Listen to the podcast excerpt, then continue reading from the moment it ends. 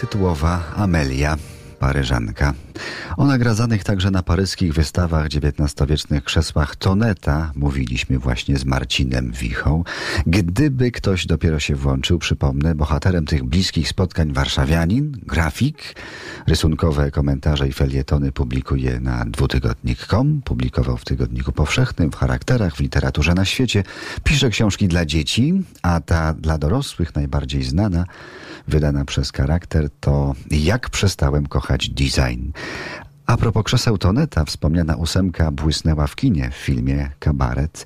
Ileż to filmowych dzieł pamiętamy poprzez projekty przedmiotów, urządzeń, dzięki architekturze, rozmaitym pojazdom. Pan Marcin wspomina też polski serial Wojna domowa, który w wyjątkowy sposób pokazywał przedmioty. Bliskie spotkania RMF Classic. Naszym gościem jest grafik, rysownik i publicysta Marcin Wicha.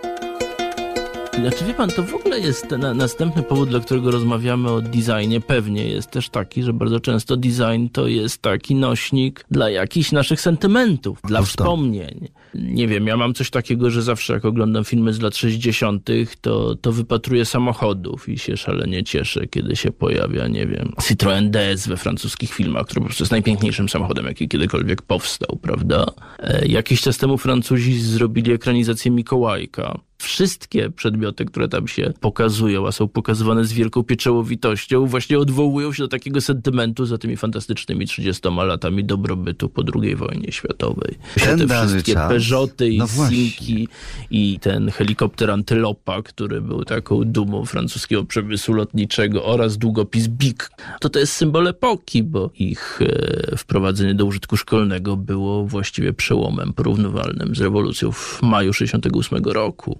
Tak. Więc y, mnóstwo jest takich sytuacji, kiedy te przedmioty jakoś z ekranu do nas mówią.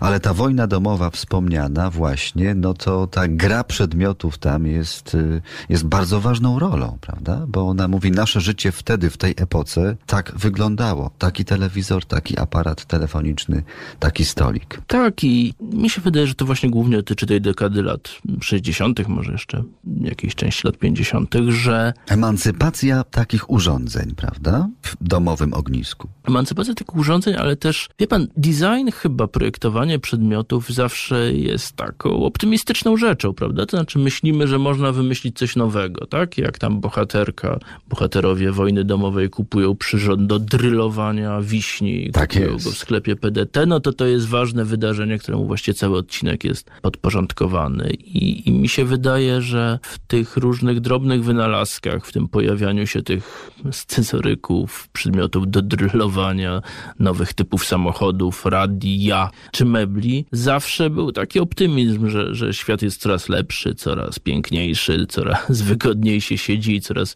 przyjemniej się dryluje mm, owoce pestkowe. I że kiedy patrzymy na te przedmioty, to nie tylko przypominamy sobie tamte czasy, ale też przypominamy sobie jakiś optymizm, z którym patrzyliśmy wtedy w przyszłość, czy w którym inni wtedy w tą przyszłość patrzyli. Więc z tego powodu ten powojenny design to jest takie trochę wspomnienie po takim świecie, co to wydawało się, że można go jakoś lepiej urządzić, że bardziej harmonijnie będzie się rozwijał. A poza A, tym, to y, było złudzenie, to inna sprawa. No, złudzenie złudzeniem, ale taki Citroën DS z skrytym tylnym kołem, czy nawet ta drylownica do wiśni, to porusza nasze czułe, sentymentalne struny, zwłaszcza podczas oglądania ulubionych filmów.